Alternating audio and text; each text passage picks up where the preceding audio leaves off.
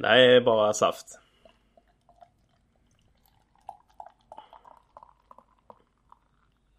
Hi, this is Ledley King, and you're listening to the Ledley Kings Need podcast. Hej och välkomna till Ledley Kings knä. Säsong 4. Avsnitt 10. His historia in det skapande.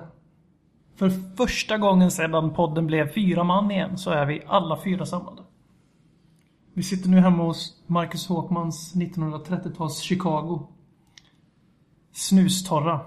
Men på andra sidan Atlanten, typ, sitter Robert Flynn i Norge. Vad gör du just nu?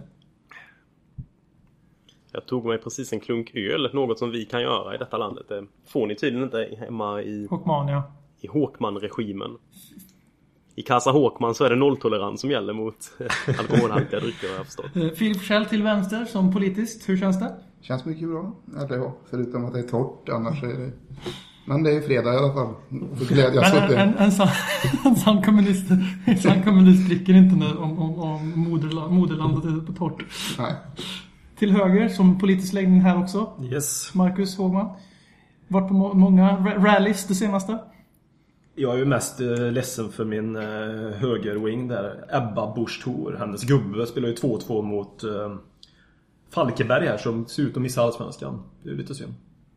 Är du, är du seriös? Upp, Ja. eh, hennes, hennes man spelar Det i är skit. Jo, det, det vet jag att han gör, han gör. Men är du uppriktigt upprörd över att uh, Sirius inte går upp till Allsvenskan? Nej, jag var ironisk. Ja, Man vet aldrig. Nej. Du har rockar en fin blåtira ser det ut som också. Vad... Nej, en liten uh, ögoninflammation bara.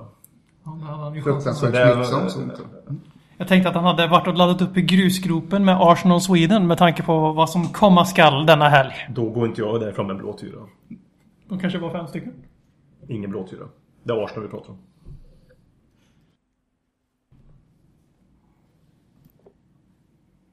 Sedan vi sist hördes har Tottenham spelat och vunnit två fotbollsmatcher. 3-1 hemma mot Aston Villa och 2-1 hemma mot Anderlecht. Vi börjar i Premier League. 10 raka utan förlust. Är vi bäst i världen eller bara bäst i Europa? Tystnaden talar för sig eller... eh, nej, men vi ska väl vara tacksamma att väl vald manager fick eh, sparken. Vi vet ju vilket track record eh, din vän Tim Sherwood har i VM. Eh, 3-0 på 3-0 mot Pochettino The eh, Imposer. 20-0 i målsnett. Någonting i den stilen. Nollan har han ju intakt i alla fall. Eh, Så där, redan där så kändes det som att de här tre poängen var klara. Det var det det avgjordes säger jag. Mm. Ja det är uppenbart. Det var vi redan inne på eh, under förra veckans avsnitt att eh, att Operation Barbarossa som, som Aston Villa hade börjat med här det, det, det skulle ju inte sluta väl och det gjorde det inte heller för dem. Nu har de ju fått in någon gammal eh, Asen Wenger eh, adept och det Ja, vad ska man säga?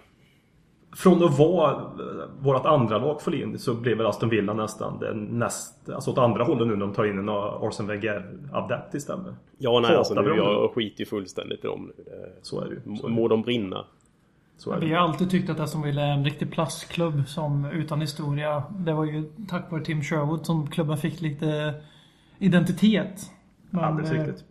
Nu har de ju valt då att döda sin egen kung och det blir som dagen till ära vet vad som händer när kungen faller i strid så... Då käkar man kaka. Av någon jävla anledning.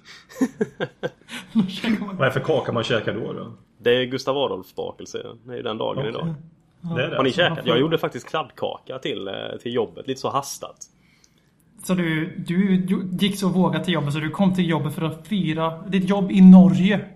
I Norges Norge. Bergen i Norge, Norge. Jajamän. Tar du alltså en blågul kladdkaka i Gustav Adolfs namn. Så, så blev det faktiskt. Men den var uppskattad. Och eh, nästa no no norska nationaldag då kommer du med bevis på att du kan ta en kopia av den här unionsavtalet. För de har ju tappat bort sitt, eh, sin kopia på när de blev självständiga. Så kan du bara ta med liksom, kopian på när de blev en del av Svenska Unionen. Förra 17 maj så hade jag faktiskt en blågul slips på mig under den dagen. Det Ja, det är bra. Det är bra. Dags att hämta hem det ännu en gång. För jo, du vet ju hur det slutar varje gång vinden vänder om. Det spelar väl ingen roll, jag håller du finger långt Alla de minne får, de är ett minne blått Det här är ingen blå grej som rent spontant blir omtalad på något omslag som Heidi Montage eller Spencer Pratt. Är nog den endaste svenska MC'n som har en känsla för rap så hey! Släng upp en hand om du känner vad som sägs. Är nu en podcast coming your way? Så ge mig femman mannen och bara vad som sägs. Är du en podcast kommer your way? Så ge mig femman mannen och bara tryck på play. Hey.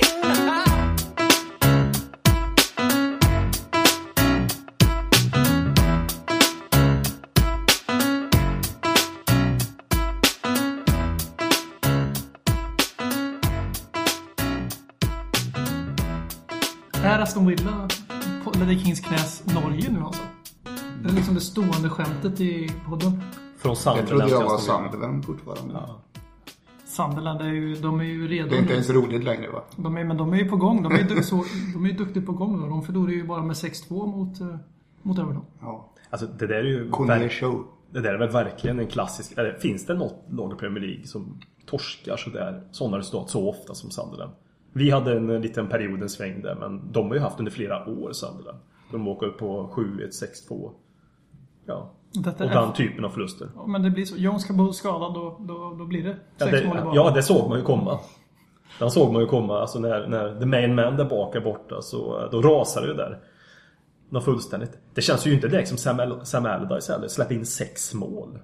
Och då, då, trots att han spelar med sex backar.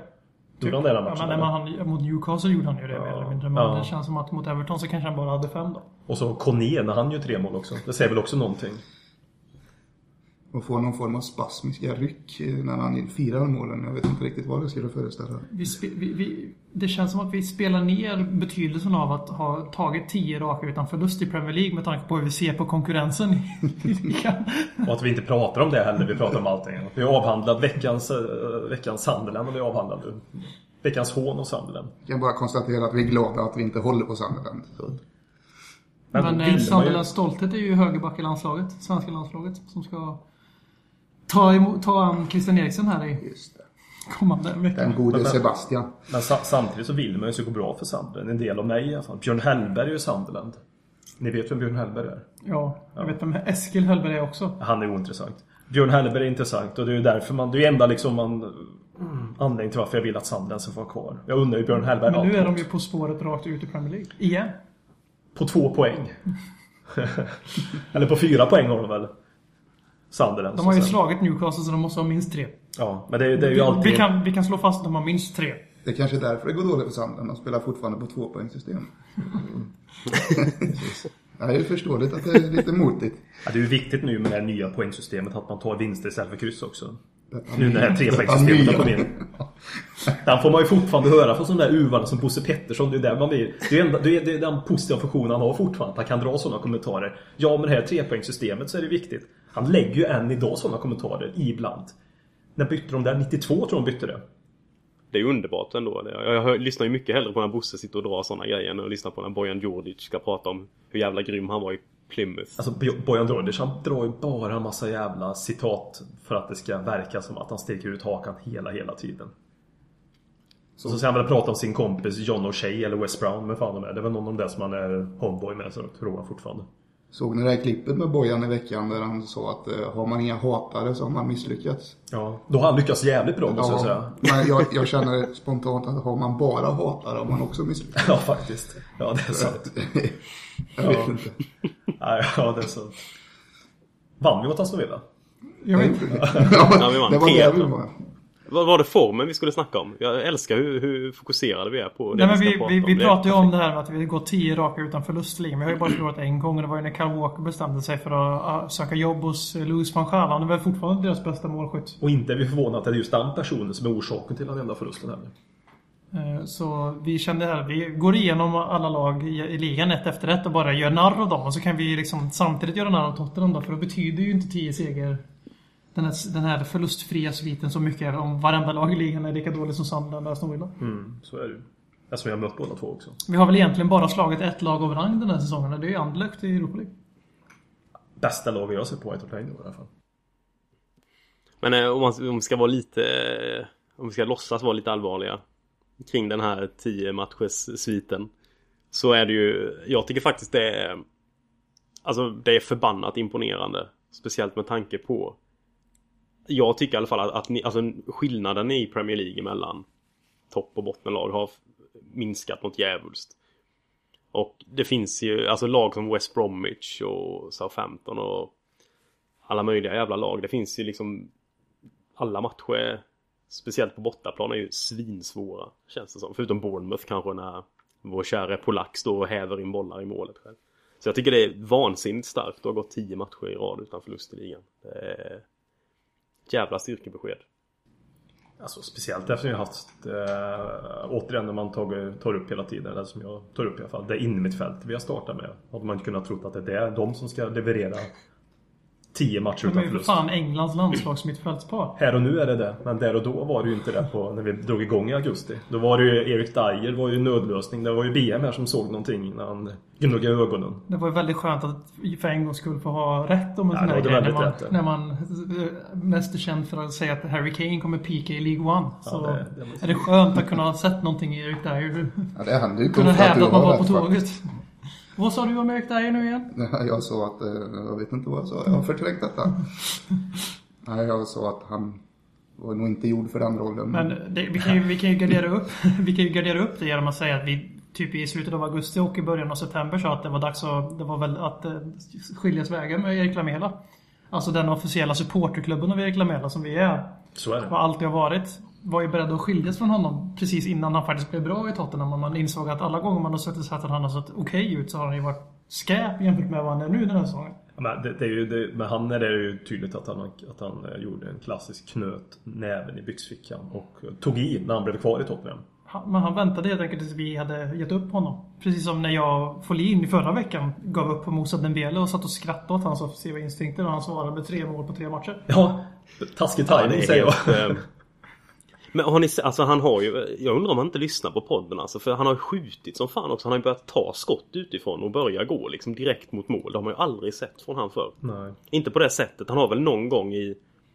Han gjorde väl ett mål borta mot Lyon i Europa League. Sista minuten. Eh, det var väl, det är väl typ enda andra gången Förutom hans första match i Spurs där han har skjutit ett skott mot mål känns det som.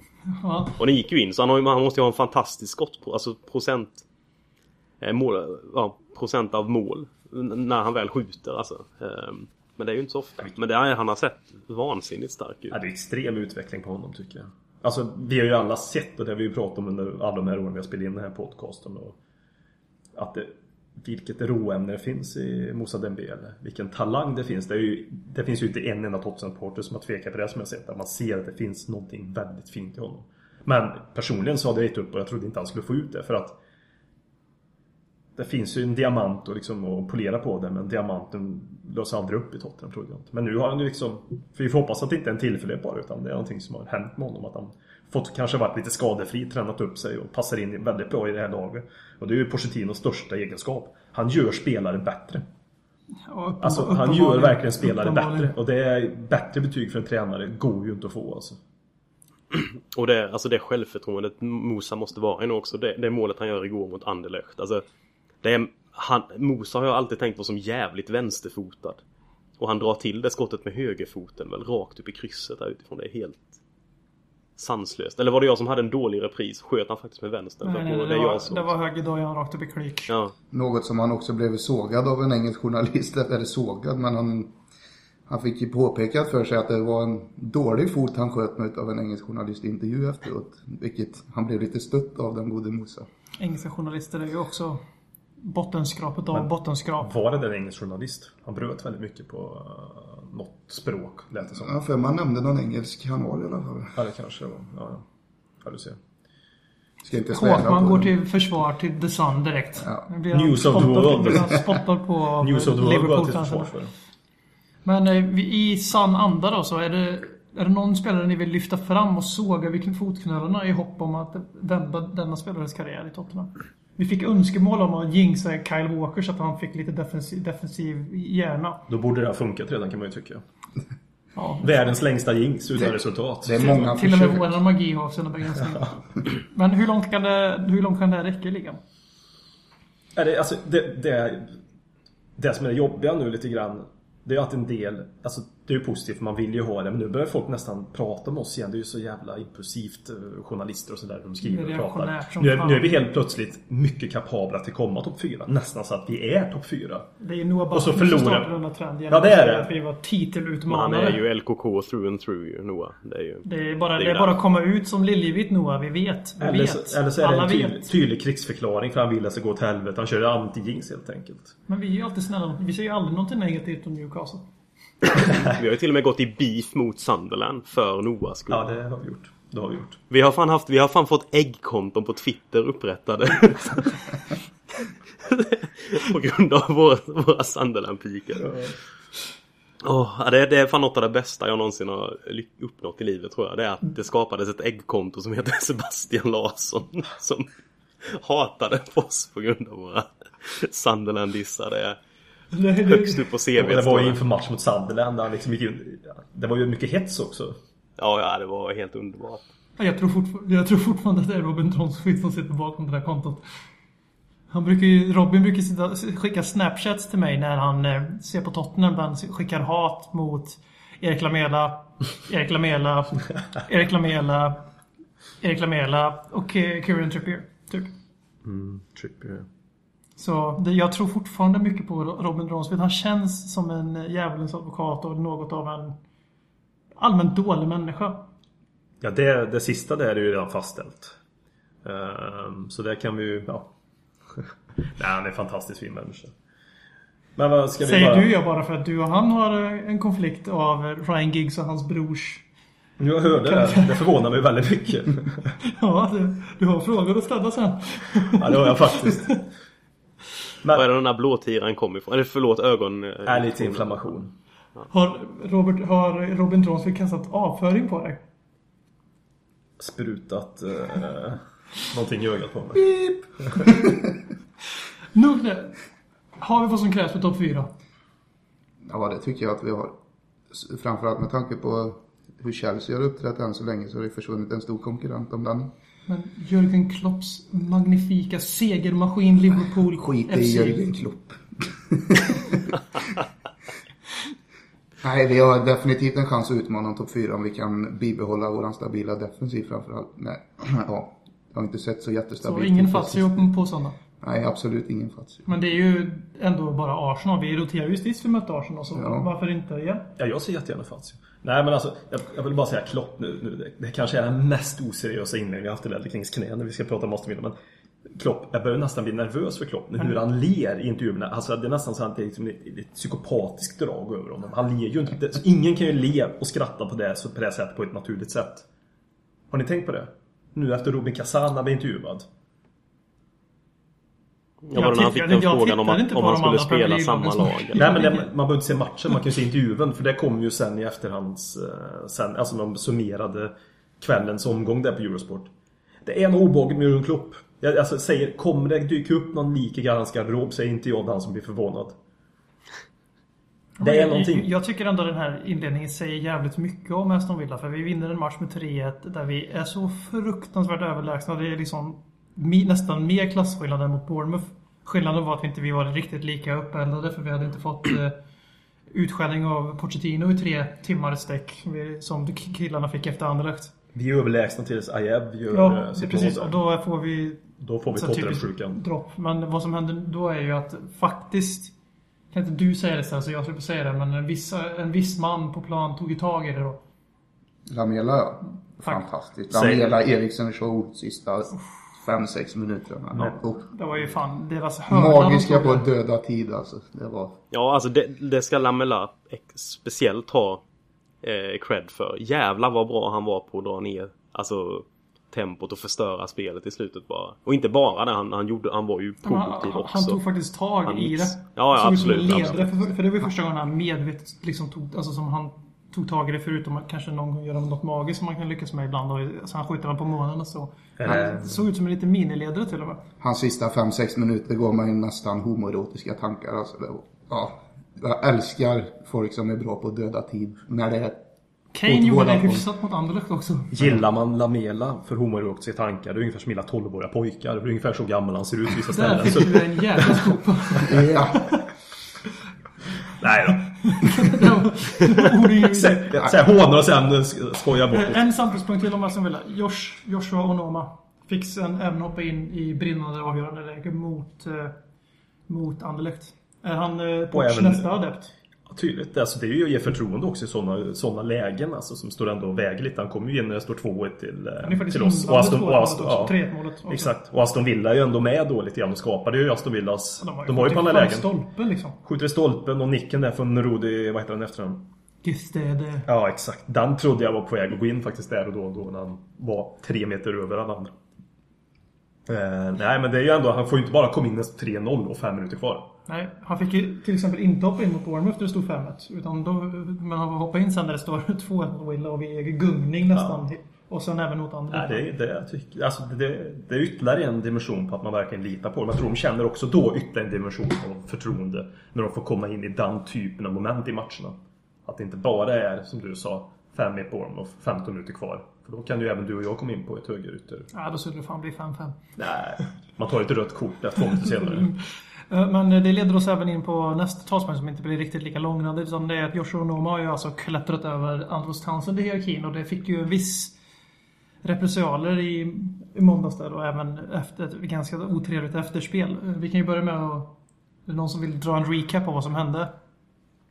Du kan ju fortsätta. Han Som börjar jag, har bråka. för, Ja, fortsätt du be. ja, som jag har förstått det så var det väl efter, var det efter matchen.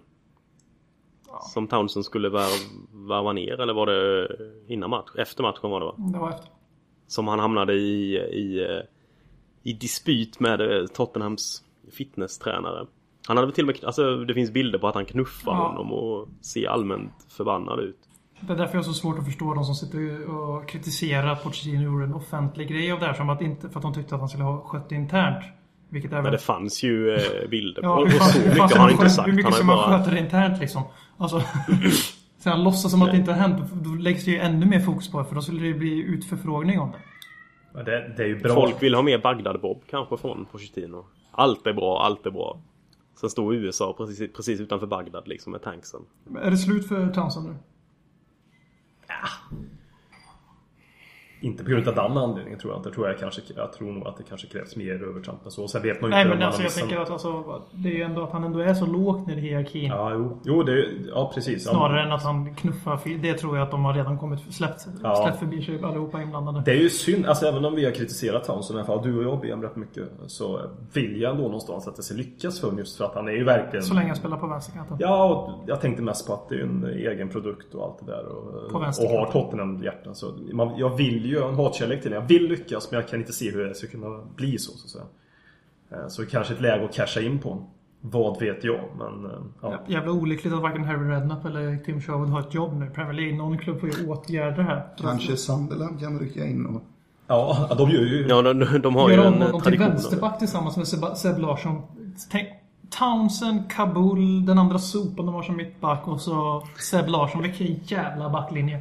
Fy fan, det är ju Champions League 2017.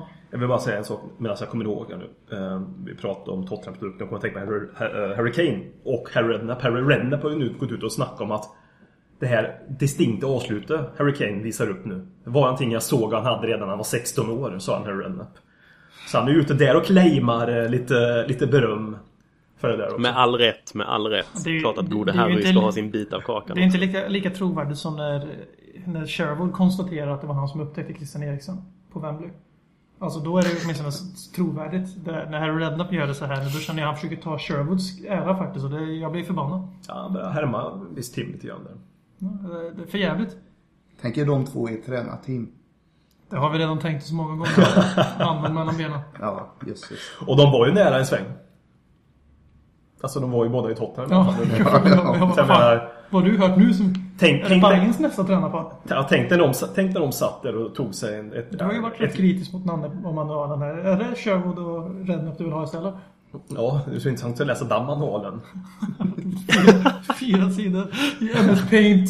Det, det är inga sidor, det är typ... eh, jag- jag tror inte det är skrivet på en dator. Det är Twitterinlägg är det Det är manualen så- det är är så på. bild, bildbok. Ja, ett Twitterinlägg. Blädderbok så här, i, i så här mjukt material som bebisar har som ska kunna äta på boken samtidigt. Harry Redknapp delar ut flygblad i bilrutan. Är så. Eller smyger in politisk propaganda i BMs reklamblad som eh, brevbärarna i Kasa gör. Ja. Jävla... BM var på väg ut efter eh, brevbäraren men han är inte ikapp. Kan BM sluta prata om sig själv i tredje Nej men? BM, har, BM har känner att BM har Zlatan-status nu för BM hade rätt om både Dyer och Lamela så... John BM Terry pratar ju också om sig själv i tredje person.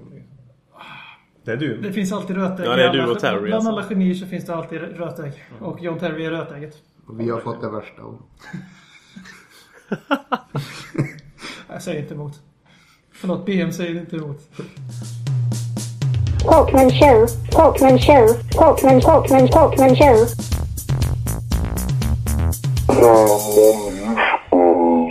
Snart är det äntligen dags för det här underbara landslagsuppehållet då det ska kvalas till eh, numera pajasturneringen EM där liksom halva Europa får med. Eh, många har hyllat eh, Island för deras fantastiska insats. Jag visste Island vann gruppen visserligen så de har gått vidare oavsett vilket. Och många har hyllat, vad har vi mer? Albanien med där. Eh, ja, EM känns jävligt avslaget och eh, det är ingenting man tar på allvar. Eh, numera. Nu är det ju ett fotbollsmästerskap var fjärde år känns det som. Går Sverige vidare så har de bara gjort sitt jobb och Ekan har bara gjort det han ska leverera. Så som Tottenham-supporter ska man då sitta och heja på Eriksen? Det är det jag ställer mig frågan. Tack. Talkman show, Talkman show, Talkman, Talkman, Talkman show.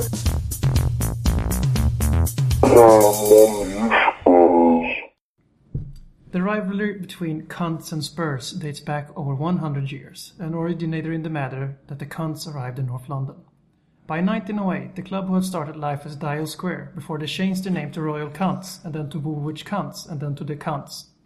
Before finally settling on Cunts, had already become Spurs fiercest rivals. The only real difference between the rivalries of then and now was that the Cunts were based in South London, where they were supposed to merge with another London club named Fulham. In order to do so, they had to start over in League Two. But Arsenal, oh, the Cunts could not accept this, and instead they bought Spurs' place in Premier League. And thus, the Cunts is the only Premier League team ever who achieved promotion by other merits than sports. Välkommen till Arsenal-Tottenham. Kommentar. Nu när vi har, upplä- när vi har liksom upplyst 99% av Arsenals supporterskara om att de faktiskt är från södra London och ville vara en del av Fulham. Och Ja, Men har de inte Köpte sin plats har de inte i- förstått tidigare att det är en äcklig klubb så borde de göra det nu. Usch. Hoppa. Vi, du har fått många önskemål att du ska återskapa din rant mot Judas Campbell. Ja, den kan väl bara komma. Autopilot. Ja, men det, det är Judas Campbell. Det är ju, det, skulle inte han vilja- vilja bli borgmästare eller någonting också? Stämmer. Det är ju ganska, alltså Personen som man inte vet om han kommer fly landet för att han får en uh, psykos de närmsta dagarna eller inte. För han, han, när han blev klar för Notts County minns jag då. Så lämnade han ju dem i halvtid i första matchen för att han... Ja. Det var någonting som jäckade hans lilla svaga skalle. Jag vet inte. Så Campbell. Och sen Arsenal i övrigt, du sa att de, de tog ju vår plats där. Är det så? Alltså jag tror väl att det är så att Arsenal har aldrig spelat upp sig i högsta ligan. Något, något, något... jag kan ha kanske tänt lite på sanningen där, men det finns, viss, det finns ett korn av sanning. För att eh, det var ju efter någon typ av ligaexpansion där efter första världskriget och Tottenham och Chelsea var Nej, klubbarna du, som du hade har hamnat- rätt. De köpte in sig. Ja, det vet jag att de gjorde, Ja. men just att de köpte våran plats är väl inte kanske Jo, 110 jo. procent. Det var, jo, jo. De, alltså, vi blev ju de, alltså de var väl inte ute efter oss kanske? Att nu Klart de var. Tottenhams plats. Ja, skitsak samma. Men grejen är den att de köpte sig och det, då blev vi flyttade för att de tog platsen. Annars hade ju inte vi åkt ner där och då. Och Arsenal, där, från där och då, har väl aldrig åkt ur högsta ligan. Nej, för de, har Så hela, de hela, ju inte i så hela, så nej men det med hela deras identitet. Alla deras framgångar, allting. Är ju bara byggt på fusk i grunden. Alltså deras, deras hus är byggt på fusk. Så någon gång kommer ju det rasa. Man vet ju det med grekiska hus. Varför, De rasar ju varför heter de inte Fulham Woolwich? Eftersom de ville merge. De ville ju gå samman med... De ville slå samman med Fulham. Ja. Varför, varför, kallar, varför kallar de sig inte Fulham Arsenal? Jag vet inte. Svagt. Hur många Arsenal-supportrar känner ni som har hejat på laget längre än eh, från 1997? Ja, jag har några stycken. Men jag är lite äldre också. Men ja. Men, eh, ja. Remigard. Hur många känner du som började heja på Arsenal för de blev en stormakt i engelsk fotboll? Eller blev det igen? Jag känner inga Arsenal-supportrar. Ja. Jag vet att de finns men jag känner dem inte, som jag brukar säga. Folin? Jag vet inte riktigt hur länge jag har känt dem. Jag känner väl två, tre Arsenal-fans i alla fall. Jag tror eh, två av dem är nog ganska så Ljungberg-influerade i, Ja, det i det. Tror jag. Nu gissar jag ganska så mycket. En av dem är från Färöarna så jag vet inte riktigt hur han, han eh, hur det gick som det gick för honom men Ja, nej, jag vet inte. Jag brukar inte fråga dem så mycket om, om det, om jag ska vara ärlig. Man får försöka prata om andra saker. Men att, att vara uppväxt i Färöarna är ju bara i sig låter ju som depression. Så då bara tar man ju näst bästa fing för att hålla i någon röd tråd. Då går man ju till Arsenal. Så det är kanske är det logiken vi kan se. Forsell, jag vet ju att du är regelbundet umgås med en Arsenal-supporter. Hur, hur, hur, hur känns det? En sån derbyvecka som denna. Ja, ja. Jag har inte pratat sådär överdrivet mycket med honom i veckan. Framförallt inte fotboll. Jag kommer förmodligen inte göra det nästa vecka heller. Förmodligen. Men eh, ja, jag har inte känt han så länge så jag vet inte vilken typ av, typ av människa han är. Det är gött att du så uppriktigt nästan ber om ursäkt i tonfall. Jag har inte känt den så länge. Liksom, nej, men jag har inte så mycket om den egentligen. Det... Nej, men eh, någon, någon form av skada har jag konstaterat att han har. Så att, eh, Jag har ju faktiskt bott ihop med en Arsenal-supporter, jag inser jag nu. Mikael som jag bodde ihop med i Göteborg ett tag, han håller ju på, alltså, höll ju på Arsenal. Men vi hade faktiskt en, vi hade någon grej att när det väl var derby så en av oss brukade gå ut eh, och se matchen på puben. Och efteråt så var det liksom, man, vi bara undvek varandra ungefär den kvällen. Oavsett hur det hade gått så var det liksom så man, vill- man ville inte Alltså bete sig illa mot den andra. Det var ändå ganska intressant. Det fanns ändå någon slags respekt där när det gällde det. Att vi, vi liksom bara höll oss ifrån varandra under den perioden tills det hade lagt sig lite och man kunde, man kunde prata om det. Men det är ju oftast de supporterna som är lika engagerade som en annan som brukar vara, ha den ömsesidiga respekt till varandra. Det är en av få Arsenal-supportrar jag respekterar som, som jag känner är likadan. Ja, men Men det är för att en granne är... i mitt hus som inte har riktigt samma respekt. Vi har inte samma relation heller. Så han brukar jag undvika efter och före derbyn. Och har han samma intresse kanske han inte har heller. Det vet Oftast- jag fan. Han är, sitter på Sportbladet och kommenterar mycket och har Arsenal-tröja i sin profilbild på Facebook. Så han är den typen av supporter. Då har du svarat på Dyreka fråga här. Eller på min fråga så att säga. Ja. Hur, hur rädda är ni för Arsenal? Ja. Nej, jag, alltså det är bara bring it on säger jag. Det är, vad fan är vi? är tio matcher i rad i ligan vi inte har förlorat på.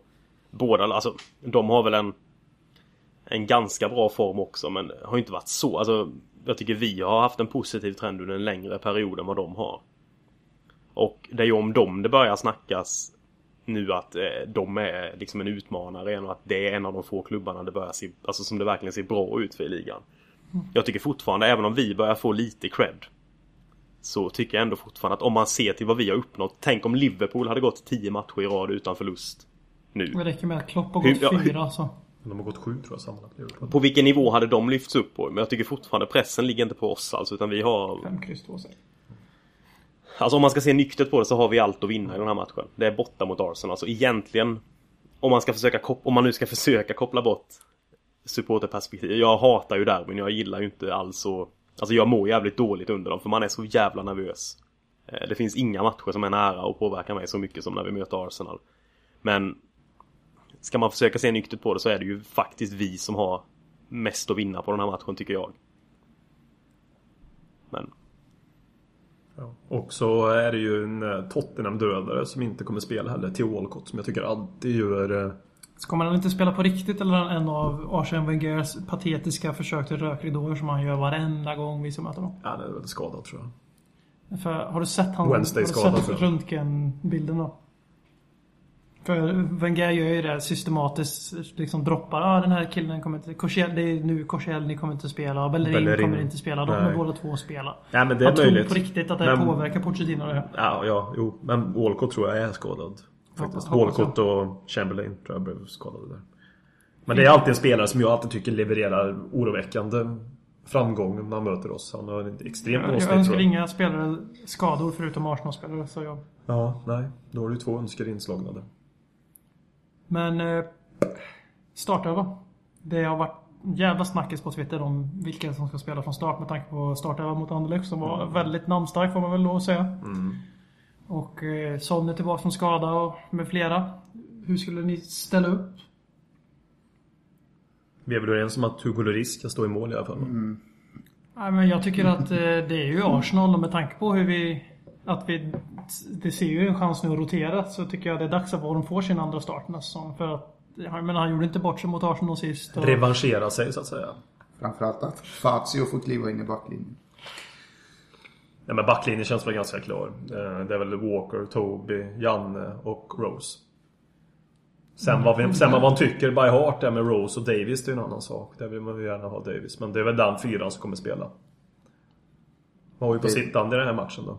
Dyer, Mason tror jag det kommer bli. Det känns väl som att det kommer bli så, ja. Men, men den delen lite framför. Eric Lamella, Christian Eriksen och Clinton Ng. P12. Ja, men starta med den, den stora snackisen som jag upplevt på Twitter och bland Tottenham. Det är ju, det är ju Mason versus um, Ali. Dele Ali. Alltså det är ju dem. Det är ju, det är ju den... eh, Eller som kommentatorn i måndag sa, Deal! Deal Alley, ja. Deal, Alley. Ja. ja, men det är väl den som jobbas med. Son är ju inte redo för att spela från start. Han kan mycket väl komma in. Eh, Men det annars känns ju startelvan i stort sett klar redan. Det är de två. Och jag tror någonstans att Dele Alli kommer få starta eftersom han blir utbytt. Alltså det är bara en magkänsla han kommer få starta. Lite fortfarande. Även om jag tycker att det spelar Mason personligen. Sett till form här och nu. Mer sett till Dele Allis eh, bristande form här och nu. Så att säga. Och kanske också för att stänga mittfältet på ett bättre sätt. Ja, lite så faktiskt. Eh, Ja, nej men det är väl, det är väl inga, alltså det har varit, det har varit väldigt få överraskningar i årets Tottenham startelva från match till match. Det har varit väldigt få rockader sett till hur det ser ut kanske föregående år. Vi har varit hyfsat skadefria. Spelarna har fått spela. Jag tror också en del till det vi pratade om tidigare. Varför är vi obesegrade i 10 matcher? Där tror jag också är nyckeln till varför vi är obesegrade i 10 matcher. Framförallt för att mittbacken har fått spela. Mittback har spelat, centrala mittfält. Alltså vi har haft ett samspel, vi har haft en, ryggrad nu. Liksom. Dyer har gått in och blivit en ryggrad i Tottenham. Ehm, Och engelskt och engelska landslaget. Nej men... Så jag tror ingen större överraskning. Det är väl Mason eller Dele Alli där. Som jag tror är... Har vi mer Men- engelska landslagsspelare i, i startelvan än vad Arsenal har engelsmän i truppen? Ja, det är möjligt. Det är Det är väl jätteskönt att vi kan ha en kontinuitet i våran startelva. Att vi slipper det här med att byta ut spelare till höger och vänster. Att det faktiskt fungerar så pass bra som vi gör. Ja men han Men bekväm det, med sitt det, är ju, lag. det, är ju trist, det är ju trist när inte spelare underpresterar så man kan hata någon och ha en hackkyckling. Det finns alltid. Som nu, nu letar jag ju upp hackkyckling. Jag har ju börjat hack, hacka på Kieran Trippier för jag tycker jag är så besviken på vad vi har fått. Mm. Så jag hoppas att han får spela istället för Kyle Walker. Så att han får komma in i det lite. Mm. Ja visst det. Kyle Walker som också uttagit till engelska landslaget nu igen såg jag. För att Kieran Trippier tackar nej. Ja lite så kanske. Eh, om ni får göra en eh, kombinerad derbyelva. Ja den sa jag nyss. Någon som, någon som vill lägga till någon Arsenal-spelare någonstans? I vårt lag. Nej, men en kombinerad derbyelva. Ja, då är det ju vårt lag. Vi är det ju alltid vårt lag om det är kombinerat även. Det är ju alltid vårt lag. Det är ingen, det är ingen vi. Ja, alltså, jag menar ju inte som de här brittiska supportrarna jag såg på Twitter som uppriktigt har delat upp så här och har typ Özil och Sanchez och Check och Koscielny istället för Alderweireld. Finns det folk som på allvar gör så? Ja, jag såg det. Jag såg några sådana tweets idag. Vem petar vem då? Vem petar de i Tottenham? Jag kan dra det jag kommer ihåg i huvudet. Check. Han petar Loris alltså. ja, Check Walker. Ja, redan där är ju en Ja, oseriös Check. Ja, ja, Walker, Koscielny. Vertongen. Han var med. Vänsterbacken i Arsenal, vem fan det nu är. Du, Dyer. Arsenal-spelare. Özil, Sanchez. Sanchez. Eriksen till höger och Harry Kane. ja, ja, men, Det är någon som har tappat förståndet fullständigt. Det var den elvan jag Ja, såg. men alltså i sånt Arsenal, att man kan ju aldrig ha med det. Vi har, på jobbet så har vi en sån fantasy eh, Premier League-serie som vi kör. Och jag har ju, det är ju liksom den stående regeln där i det är ju att Ingen Arsenal aldrig en Arsenal. Nej, nej, nej, nej, nej, nej, nej, inte en, en chans. Nej, för man vill inte känna någon typ av... För, alltså man vill inte komma på sig själv bara Yes! Giroud gjorde tre baljor. Mina, mitt fantasylag. Yes! Ja, nej, nej, nej, absolut inte. Det är liksom, det finns en måtta på det liksom. Sätter hellre Filip Forsell på topp i mitt fantasylag än Oliver Giroud. Ja, alltså det, jag minns den när jag spelade fotboll manager förut och Championship manager så heter det. det har man har ju aldrig varit ens så nuddat vid tanken av att gå in och börja starta en managerkarriär med uh, Woolwich eller Chelsea eller uh, West Ham eller någonting sånt. Det är ganska många lag man väljer bort. Ja, det är faktiskt det. Men jag förstår vad jag menar. Ni pratar om det man fantasy. Det är ju typ av fantasy det också. Eller ni som spelar FIFA. Eller spelar... Alltså man väljer... Ni spelar väl aldrig spelat med Arsenal liksom? Spelar inte med något annat lag i Premier League förutom Tottenham. Nej. Nej men så... Men ja. Det där med att man rör inte vissa lag med Jag, förlor, jag lägger mig mot Tottenham i spel. När det gynnar att Tottenham inte drabbar mig för mycket. På den nivån är det. Ja, det, det låter vettigt. gällande vår 11 på, på söndag så jag är, håller helt med Håkman om att jag väldigt gärna hade sett Mason där i för det känns som Eric Dyer har ju jävligt fort bekom, alltså han har ju blivit Tottenham. Det känns det som. Sättet han snackar på, sättet han står upp för laget är ju liksom Det, är- det är ju den perfekta derbyspelaren känns det som just nu. Allt han säger är ju bara perfekt. Och sättet han är på på plan är ju magiskt. Och Mason också är varit i laget, alltså i, i, i Spurs när han var, vad fan var han, 8-9 år liksom. Eh, Scoutad av Mickey Hazard om jag inte har, Stämmer bra. har eh, missförstått Gjorde det. sin första Premier League-match mot Arsenal borta i fjol. Ja, Från start. Exakt, och jag tycker, alltså jag tycker Deli Ali är förbannat spännande. Och, men det är kanske också lite så att folk önskar sig lite för mycket av honom på en gång. Alltså att ha honom som en joker och slänga in är kanske helt perfekt i en sån här match snarare än att slänga in honom från start. Och, eh, för jag tror också att det, det Mason erbjuder med den energin och den inställningen han lär ha det, det kan vara guld värt borta mot Arsenal alltså. Och att ha då en sån som Son och eh, Ali på bänken och kunna slänga in dem. Det är ju förbannat bra alternativ att ha. Det kanske gör Ali gott också för att börja på bänken här och nu. Och komma in i sådana fall och komma in med lite energi. Det... De, de kör ju mycket så i nordamerikanskt köparkrig att de sätter sina rookies på läktaren regelbundet för att de ska få perspektiv på spelet. Mm, och han kan Att, eh, behöva det. Han känns som att det har gått väldigt fort för honom och han har, tycker jag, faktiskt varit, inte dålig, absolut inte, men han har varit, han har sett trött ut och slarvat en hel del slag mot, mot Anderlecht så tycker jag att han, två väldigt, väldigt, väldigt bra lägen när vi kommer i typ tre mot en, två mot en och han gör helt onödiga Försöker slå en yttersida till Lamela, en enkel bredsida och han är sopren med målvakten och sen gör de 1-1 några minuter senare liksom. Det är som, jobbigt när det ska börja se så fint ut som möjligt också. Ja, man, liksom gör, man det- gör det kom, mer komplicerat Kanske- än vad det var. kanske en så lite pedagogisk petning nu. Ja, Sen så tycker faktiskt. jag att ett, ett mittfältsblock med Dyer Mason Dembele är väldigt rimligt. Framförallt Ja, det känns som en jävligt, sta- alltså, jävligt starkt innermittfält också i ett, i ett derby har. Alltså jag, är- Dembele, jag är så jävla glad att han eh, har fått en plats i laget igen. Ja, du ska ju köpa matchtröja av Dembele har jag sett. Ja, ja, absolut. Varje dag ska jag göra Så det. du köpa, ska du köpa en varje dag? Jävlar, pengar. De betalar bra i Norge. Det går bra ja, det går bra. Tusen spänn om dagen. Minst. Sen är det väl inget konstigt heller att det kommer en reaktion på Dele Alis form med tanke på den resan han har gjort från League One till Premier League i ett, ett hopp så att säga och sen att han inte är gammal heller så att Han är ju född 96. ja. Ja, nej abs- absolut inte. Alltså hans, hans säsong har ju varit fantastisk hittills. Det vi har fått ut av honom redan är ju mer än vad man egentligen hade kunnat begära på hela säsongen tycker jag. ja jag förväntade Ja, ja. mig en utlåning i det fallet Ja. innan säsongen. Så att eh, Men även, eh, där, även där hade man fel Jag visste från början. oraklet BM visste som alltid. Jag visste, jag visste. Gör man, gör man så mycket fina mål i den moderna varianten av Arsenal, får man ändå lov att kalla MK Dons. De måste ju vara nästan till officiella samarbetsklubbar.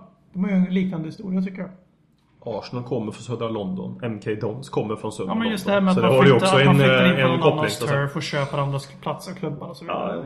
Potato Och det, potato. här, det är någonting äckligt som händer där i södra London också verkar det som. Det verkar ju vara fel, Så- fel sida stan Det som som vi hände brukar var ju säga. att Delali insåg ju vad han höll på att göra med sig själv. Så han såg ljuset. Tyvärr så Sökte gick han till tillbaka, tyvärr gick han tillbaka till mörkret och såg någon match med MK, Dons. Men han måste vara lojal mot sina vänner som fortfarande... Du vet, man försöker alltid rädda sina vänner som är kvar i sekten. Ja. ja, det är så vi får se. Har ni några... Jag tänker inte trockla derby, men vi har gjort ganska många säsonger med Ledder Kings knä nu och blir ju en del ruljans på ämnen om man säger så. Men har ni någon specifik insats i ett derby ni kommer ihåg? Och ta inte Rafa van der Vaart springa hysch som ni alla tog i förra avsnittet när ni pratade om sånt här. Fan också. Alltså, Jag har eh, kanske en aningen, aningen kontroversiell... Nej, det är inte kontroversiellt Det egentligen. blir spännande. Tottenham tror jag inte det är. Det är ju när eh, William Gallas gjorde sitt första North London Derby borta mot Arsenal. När Harry Redknapp gav honom kaptensbindeln. Och... ehm, men alltså den matchen Gallas gjorde där var... Han var något djävulskt bra, speciellt i andra halvlek. Och det är väl i den matchen på slutet som han... Han är helt slut. Jag tror han har fått någon smäll också. Han håller, han håller nästan på att säcka ihop och... Jermaine Jenna ska gå fram och hjälpa honom upp. Och så där Redknapp står ska byta ut honom. Men han vägrar bli utbytt. Det är liksom som, jag ska spela klart matchen. Den minns jag jävligt stark för det var en... Alltså... Det känns som att det var där lite gick han ifrån att vara... Jag gillar inte... Alltså absolut inte Spelade inte Gallas han, innan han kom hade till inte han Spurs nummer men... 10 i Arsenal? Jo, Och i Tottenham, vilket nummer hade han i Tottenham? 13. Precis. Även han insåg ju att han var en jävla skämtklubb. En modern så här, amerikansk jippoklubb och gick till en riktig fotbollsklubb där mittbackar inte har nummer 10. Ja, Även det, det det är en sån modern grej som jag, jag minns den just, den, just den, den den bilden när Jennas hjälper honom upp efter eh, slutsignalen också. Han bara faller ihop och Jennas går och lyfter upp honom. Det är, Ja, där någonstans så, så blev han ändå accepterad tror jag lite av, av Tottenham-fans. Jag säger inte att man liksom älskade honom men han fick ändå respekt i det. Det var speciell, speciellt minne faktiskt på något konstigt sätt. Mm. Ja, absolut. Jävla speciell insats att välja. Alltså en gammal Arsenal-spelare som spelar för Tottenham. Gammal Arsenal, Chelsea och Tottenham-kapten typ. London Legend. Och sen var han ju ryktades han gå till West Ham där en sväng när han kom bort från oss. Det hade ju varit att bara triumferat alla former av rekord tror jag. Någon som har någon annan? Alltså, det är ju så här med ålder eftersom jag också hade kört en dubblett på Håkmar Show så är det lätt att bara komma ihåg det som hände från ett år tillbaka någonting känns det som. Men jag vill bara att, alltså, jag, jag tänkte på en sån här 96 match när vi vann med 2-1 och Chris Armstrong och Teddy Sheringham gjorde mål där. Tipslördags första match. Lars-Gunnar Björklund satt där och eh, fick vara med in i deras Tipslördag-studio. Tipslördag var så var det när det blev på TV4 istället för SVT där. Då vann Tottenham debutmatchen nådde 2-1 mot Arsenal. Chris Armstrong när han kom till Tottenham så var han eh, anklagad för eh, drog... Kokaininnehav tror jag han hade, han Chris Armstrong. Ja, en fantastiskt fin spelare, gjorde mycket mål. Teddy Sheringham också väldigt fin i Tottenham. Men på tal om mittbackar. Förra årets match på eh, flygplansarenan så att säga. Kabuls. Fantastiska... Sista bra insats alltså, det, var väldigt, det var väldigt lik Gallas ändå. Ja, Jag kommer att tänka på det just när han pratade om Gallas Faktiskt, där. Att vilken, vilken jättefin match han gjorde där Kabul. För då hade han ju också, det var ju typ match 4-5 någonstans på säsongen. Han hade varit usel innan det också. Alltså, Rekordusel verkligen. Samlenusel så att säga. Och, och så kommer vi till matchen på Emirates. Han är briljant. Alltså han var ju magiskt bra den matchen. Det var ju han som rädda inom situationstecken rädda. Men alltså. Det blev 0-0. 1-1. Ja. Jag kom, alltså, båda, båda förra, säsongens förra derbyn är ju... Man kommer ihåg Masons Premier, Premier League-debut. Det var en fin, ganska fin match och så Kabuls hjälteinsats. Men det, är- sen är det lite så här, det, det går ju inte att komma ifrån Hurricanes två mål på hemmaderbyt. Pochettino tar en seger, tar fyra av sex mot Wenger. Och eh, det var liksom, den matchen är väl liksom toppen på is... Eller vad ska man säga? Liksom, vad är det man brukar säga? Körsbäret på tårtan, vad fan man säger. Som... På, på det som var liksom den här slutliga transformeringen från Emanuel Adebayors Tottenham, som Erik Niva kallar det, till Harry Kanes Tottenham. Eller som jag vill säga, Mauricio Pochettinos Tottenham. Emanuel Adebayors Tottenham. Där kan vi snacka hostage. Fy fan. Ja. Sug lite på den. En, insats jag måste lyfta med är ju Hurelio Gomes insats Åh, hemma mot Arsenal League-året. 2010. När vi vann med 2-1. Fy fan vad bra han var den matchen. Ja, alltså det, på slutet där, det var... Ja, jag vet. Det var det, bland det jävligaste jag sett i målvaktsväg alltså. Det var verkligen... Har Lloris haft en bättre match? Ja, ja, jag vet inte. Jag kan inte... Alltså Loris är ju en sån som har... Man, han har ju så mycket jävla briljanta matcher. Så det är svårt att välja en match där Hugo har varit så vansinnigt bra. Men just Gomes, i Gomes fall så är det ju den Arsenal-matchen, den som verkligen står ut. Men det är ju det. I positiv bemärkelse. Sen har, för Gomes är det ju tvärtom där i början på hans Tottenham-karriär så kan man ju inte välja en match där han var sämst utan det var han ju i alla. Men den toppen han hade där det var något av det jävligaste jag har varit med om alltså. Gisses vad bra han var. Vem gör matchavgörande målet för Tottenham? På söndag. Nej, om 2019. Mot West Ham här. påsk. Mot West Ham 2019. Nej, på Kyle Walker, långskott. Håkman sliter av sig tröjan och springer runt inne på puben och skriker Och man någonting ser inte matchen på pubbar för dem. För dåligt ljus, ljud. Och så är det. Alltså är det så nu? Nej, alltså, det går inte att se på. Det finns ingen uh, sportpub som är värt att uh, sitta och titta på fotboll. För det första får man ju be om att få lite volym på TVn och sen uh, kommer någon 19-årig tjej som går första året på universitetet här i Karlstad som har något tillfälligt jobb som inte fattar någonting. Ja, det är, um, O'Learys i stan är... Men det är ju så. Det är, ju- då har du ju med VM. Bättre än O'Learys i Göteborg. Är det så? Ja. Ja, det är Fy Får fan man vilket dåligt man till O'Learys i Göteborg jag Får man åtminstone, på Icast får man åtminstone skärmen att se matchen på som man har beställt. Vad fick du då? Ljud? Ja, jag bara? fick eh, United City på 300 miljoner skärmar och deras volym sen resten av matchen så fick jag sitta vriden i 90 grader till höger mer eller mindre och se på matchen i 90 minuter. Men det var det värt för det blev 5-1. Då måste jag få lyfta, när vi ändå snackar om pubbar här. ehm, Det, det ganska dåliga namnet till trots. Bergen Nightclub heter, Nej, Bryggen Nightclub, förlåt, heter Fantastiskt den. namn. Det är bättre om det heter Ehm. Bergen Nightclub tycker jag faktiskt också. Eh, I vilket fall, jag var där i måndags och såg Aston Villa-matchen. Så när jag kom dit så var det var bara jag på hela stället. Och det, där, det, det fanns typ fyra, fem skärmar uppe som alla visade matchen men det var bara jag där inne. Jag var väl typ 20 minuter innan matchen. Det kom flera sen men jag var där först. Så gick jag upp till, till baren och köpte en öl och sen frågade jag tjejen som jobbade där då om Alltså har ni alltid öppet på måndagar eller vad är det? För det är liksom bara, det är bara jag här och hon bara, Nej, nej det är inte alltid men när Tottenham spelar har vi öppet. Oj. Det är liksom det är, Ett sånt ställe måste man ju bara ha för de har verkligen det. De, de har någon deal med vi- Jag tror det är Tottenhams vänner här i Norge som gör att de ja, Spelar Spurs har de öppet. Det liksom spelar ingen roll vilken Men då dag vet ju det vi är. vart vi ska spela in vårt eh, andra internationella avsnitt någonstans. Det är ju självklart. För vi har ju ställe att uh, få lite alkohol i kroppen om Tottenham spelar. Oavsett om det är... Ja, vi andra får ju dricka alkohol, men du får ju hålla dig till din... eh, Så du, du får ju inte dricka alkohol bara för att du i landet som vi andra. Nej, så är det ju. Så är det ju. Någon som har några avslutande ord till våra, våra inflyttade kusiner från södra London? Se upp för Moussa Dembélé säger jag bara.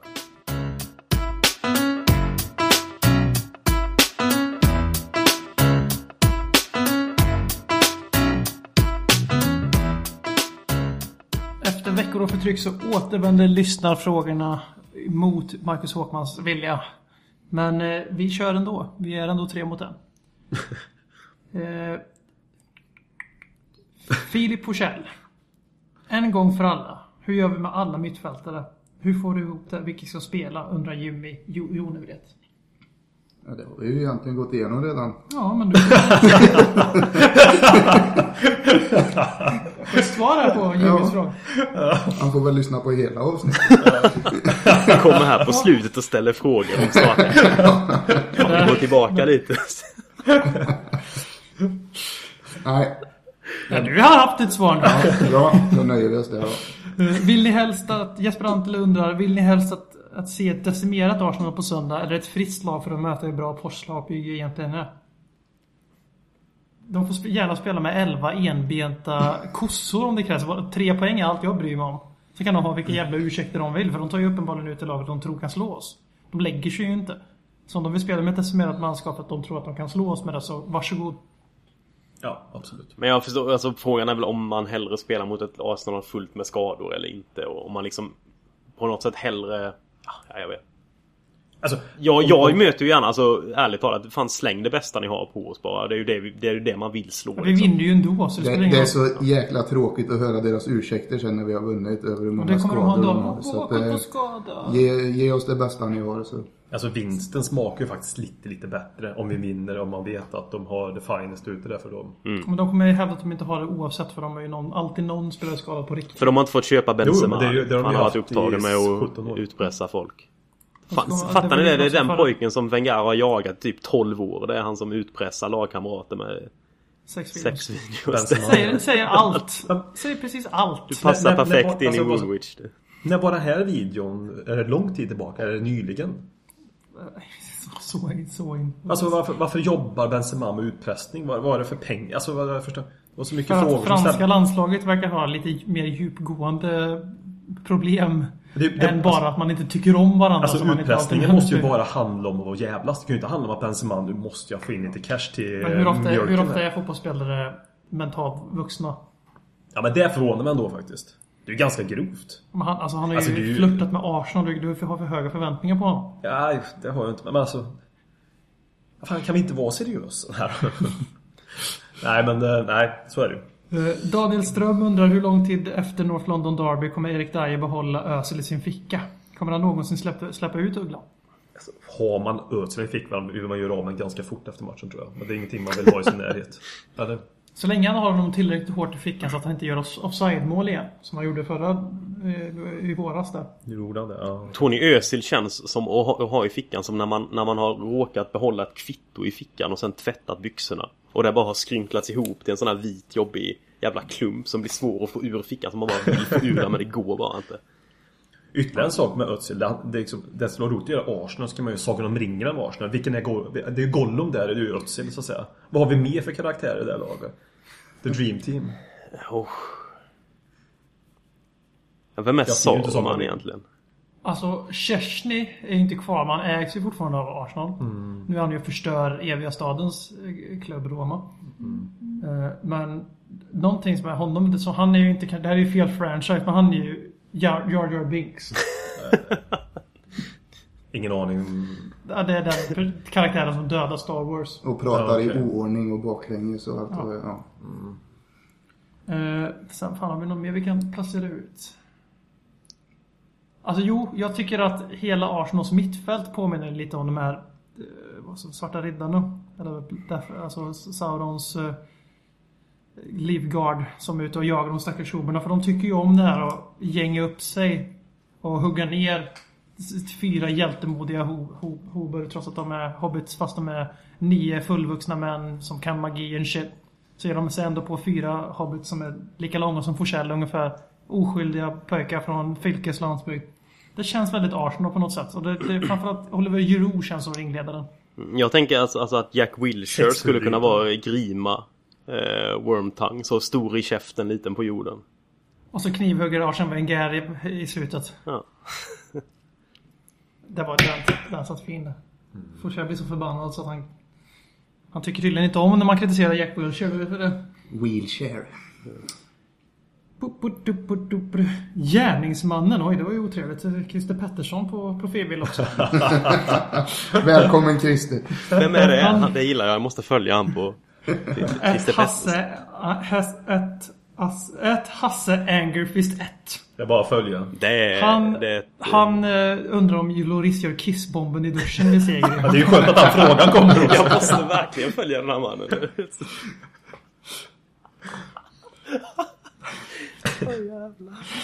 Christer Pettersson och kissbomber och gärningsman. Ja. Ja. Jag vet inte vad jag ska svara på den. Ska svara Det på är klart han gör.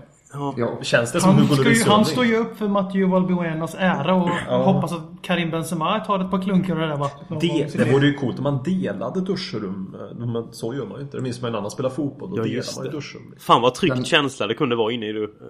Ja. Den intressantaste diskussionen här är ju hur, hur expansiv Hugos förhud är.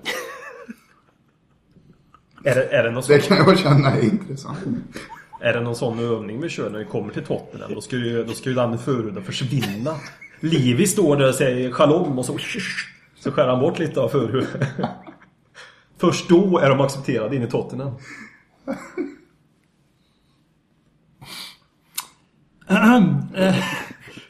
Peter Ström tycker att vi ska definiera... Så vi kan inte göra kissbombar, det är det som är grejen. Det blir ingen, det är omöjligt. Ja, fortsätt. Peter Ström, Peter Ström tycker vi ska definiera Löfven-effekten. För alla som eventuellt missade detta så var alltså Stefan Löfven, Tottenham Hotspur Sweden-medlemmen. På Jag vill, White Hart Lane. jag vill, höra, jag vill ju framförallt höra vad Folin har att säga om detta. Det är ju det jag är mest intresserad av. Ja. Definiera Löfven-effekten. Hur känns det? Jag kunde inte bry mig mindre alltså. Det, det finns alltid... Ja. Man kan ju inte hjälpa vilka det är som håller på, på en slag liksom. Det går inte att sluta hålla på dem på grund av det. Nej, nej men det var väl kul för Stefan att han fick se en match live också. Det är ju... Ja, han har ju bara varit fan i, sedan 1970 någon gång. Så man, man undrar ju fan. Det kan få ta så här lång tid och ändå kalla sig Tottenham-fan. Jag blir ju provocerad när Men han första har... gången var där eller? Ja, det är första gången han var live. Ja, det är inte som att man inte har jag tjänat pengar. Det är väl liksom... Ja. Det är väl kul för Stefan. jag vet inte mer vad jag ska säga. Entusiastiskt. eh, Men eh, tillskriver du 3-1 målet Stefan Löfven? Jag skulle vilja se honom fira det då. Mm. Faktiskt. Jag, jag, varför, inga, varför var det några kameror på Stefan under matchen? Jag hade velat se Han hur han reagerade under matchen. Faktiskt. Alltså helt ärligt talat. Det hade varit kul att se. det hade varit. Han satt ju någon jävla. Då- Till och med Tottenham gjorde ett jävla stor fuss över att eh, Sveriges statsminister var där. Ja, Jag hade faktiskt gärna snackat lite det Spurs med, Spurs med Löfven. Det hade känts som att, för jag tycker han är en person som är svår att få liksom, jag, Få grepp om Ja men det, är- det är svårt att känna hur han är som person och vad han egentligen, alltså ja. Hur han är bara. Stefan, Stefan Löfven är fan lite smig och Gollum. Han är Tottenham smig och Gollum. För man vet fan aldrig riktigt vad man får. Kan man- Nej men det hade faktiskt varit på ärligt, alltså riktigt intressant att bara få snacka lite Spurs med honom eller fotboll i allmänhet. Bara något som inte är med polit- har med politik att göra där han behöver vara liksom mediatränad i det. Det hade varit kul att bara se vem är människan egentligen. Tre, fyra pints och sen prata Spurs. Ja, absolut. Så Stefan, om du lyssnar, och det vet, så det vet vi att du gör. till ett ledleyKingskna på Twitter. Eller ledleyKingskna at gmail. Jag säger så här, Stefan Löfven, när, Stefan Löfven, när du har lyssnat klart på detta så ska han göra det. För han lyssnar väl, Stefan? Det är klart han gör. Det gör ju hela, hela Tottenham-världen lyssnar på oss. Vi är Tottenham, vi är allt. Vi är överallt. Ja. Lite så. Inga, inga gnagarreferenser. Och där sa Forsell det som kommer få hat i det här avsnittet. Allt andra kommer, kommer det där kommer du att äta upp. Come at me. Forsell 26 för er som vill komma at him. Eh, Och så avslutar vi här med den absolut viktigaste frågan denna North London Derby. Och det är Gabriel Augustsson som undrar Vem i Tottenham Hotspur FC är mest Paradise Hotel-kompatibel? Åh herregud, Och tyvärr har vi nej, ett, inte Kyle nej, tyvärr har vi ju ett helt jävla lag med det. Som är... Delali la ju upp, så du kan ju få berätta om Tobi det. Alderweireld är ju en definitivt. Ursäkta? Ja men det... Ursäkta? Ja men... Det är ju det som skrämde mig när ni såg upp till hans frisyr. Ni, då menar jag BM och Filip här. Ja, Alltså, men jag är... Folin som har klippt sig någon Ja men han har inte riktigt... Nej, han har ändå... Nej, nej, nej. Han har, han har fades på sidorna. Och det enda som saknas är ett litet streck på i hårfästet. det vi som fixa gör att det ser tunt ut här det är att det är nästan, det börjar bli grått på sidorna. Så det är det som gör att det ser ut så. Ja, då är det ju. Lugn. Nej, nej, nej, nej, nej. Men vad har vi? Vi har ju många. Vi har Danny Rose som går med t-shirtar för någon somras här med nakna brudar på. Eh, Kyle Walker. Kyle Norton för några år sedan när han stod bilden. Han stod med Men då känns han inte 47 riktigt så. typ. Stod han med den? Ja, något sånt där. Ja, men, men då är, det, då är det inte Paradise Hotel han är Åh, med i. Sheffers Maldini. Jag saknar dig. Kom tillbaks. Det- Han går fan bra i Swansea nu. Han gör ju assist och grejer också där. Det. Han kör assist. Ja, det är ju helt fantastiskt. Ja, det Till är motståndarlaget. Ha? Nej, okej. Det var... Han sa till... Åsiktsskjutning. Nej, men vem har vi? Om vi väljer en spelare. Ja, du säger Toby för att hata på mig och Forsell och vi blir ju lite illa till mos när du gör det. Så jag kontrar ju. Vi säger Brad Friedel för att hata på mig eller vad? Vad där han tog under Men det finns ju viss, viss Det Paradise. hade jag velat se Brad Friedel i Paradise Hotel. Ja fy fan. Tänk han kliver in och det är så här, jaha. I såna här schackrutiga badbyxor uppdragna till naveln och den här flinten. Och garanterat ett riktigt sånt Och så här kommer han, grått och så kommer han gubbhårigt med bröst. Chaucer, Canterbury Tales, alla, hela jävla baffan från 1400-talet. Och bara, ska vi prata lite litteratur grabbar och tjejer? Ja? Brad, det är ju... bara- Jävla bakfull. ah, Ge mig cigg. Annars så känner jag, jag tror att Brad, Brad Friedel kan, han kan spelet i Paradise Hotel. Ska vi vända på det? Vem har inte Paradise Hotel? Aura i Harry? Kane. Hugo Lloris. Också. Ja. Den var bäst. Hugo Lloris hade aldrig varit med i det. Mauricio Pochettino hade inte heller varit med i... Ja, Har du, sett, har du sett de bilderna på när han är på någon maskerad och det är, hur ska vi säga, ett par amerikanska flaggor som dyker upp som sitter på en ganska okonventionella ställen kanske. Nej, jag ska leta upp den bilden och skicka den till er sen så får vi... Jag gör det. Vi får lägga upp det på vår Twitter under hashtaggen Jag tror, jag tror det, om jag, om jag inte minns fel så är, eh, är Pochettino utklädd till sjuksköterska på den bilden. det säger Ganska rund under fötterna. Det är skönt. Eh, Mer än vad vi är nu just nu. Men gällande Brad Friedel i Paradise Hotel så tror jag han hade varit den som hade dykt upp klockan halv elva och bett de andra vara tysta för han försöker sova. Han har, och han har ju spelat så många gånger på biblioteket så han är van vid att det är tyst. Och varit uppe fyra och kört yoga tre och en halv timme. ja, exakt. Fy fan Brad vad jag saknar han. Halloween-tema, han behöver inte ens klä ut sig. Med de, med de orden tackar vi för oss mot The Spurs. Dags att hämta hem det ännu en gång. För jo, du vet ju hur det slutar varje gång vinden vänder om. Det spelar väl ingen roll. Ja. Håller du finger långt. Alla de minne får, de är ett minne blått. Det här är ingen blå grej som rent spontant blir omtalat på något omslag som Heidi Montage. Eller Spencer Pratt är nog den endaste svenska MC'n som har en känsla för rap. Så hey! släng upp en hand om du känner vad som sägs. Är du en podcast coming your way? Så ge mig femman mannen.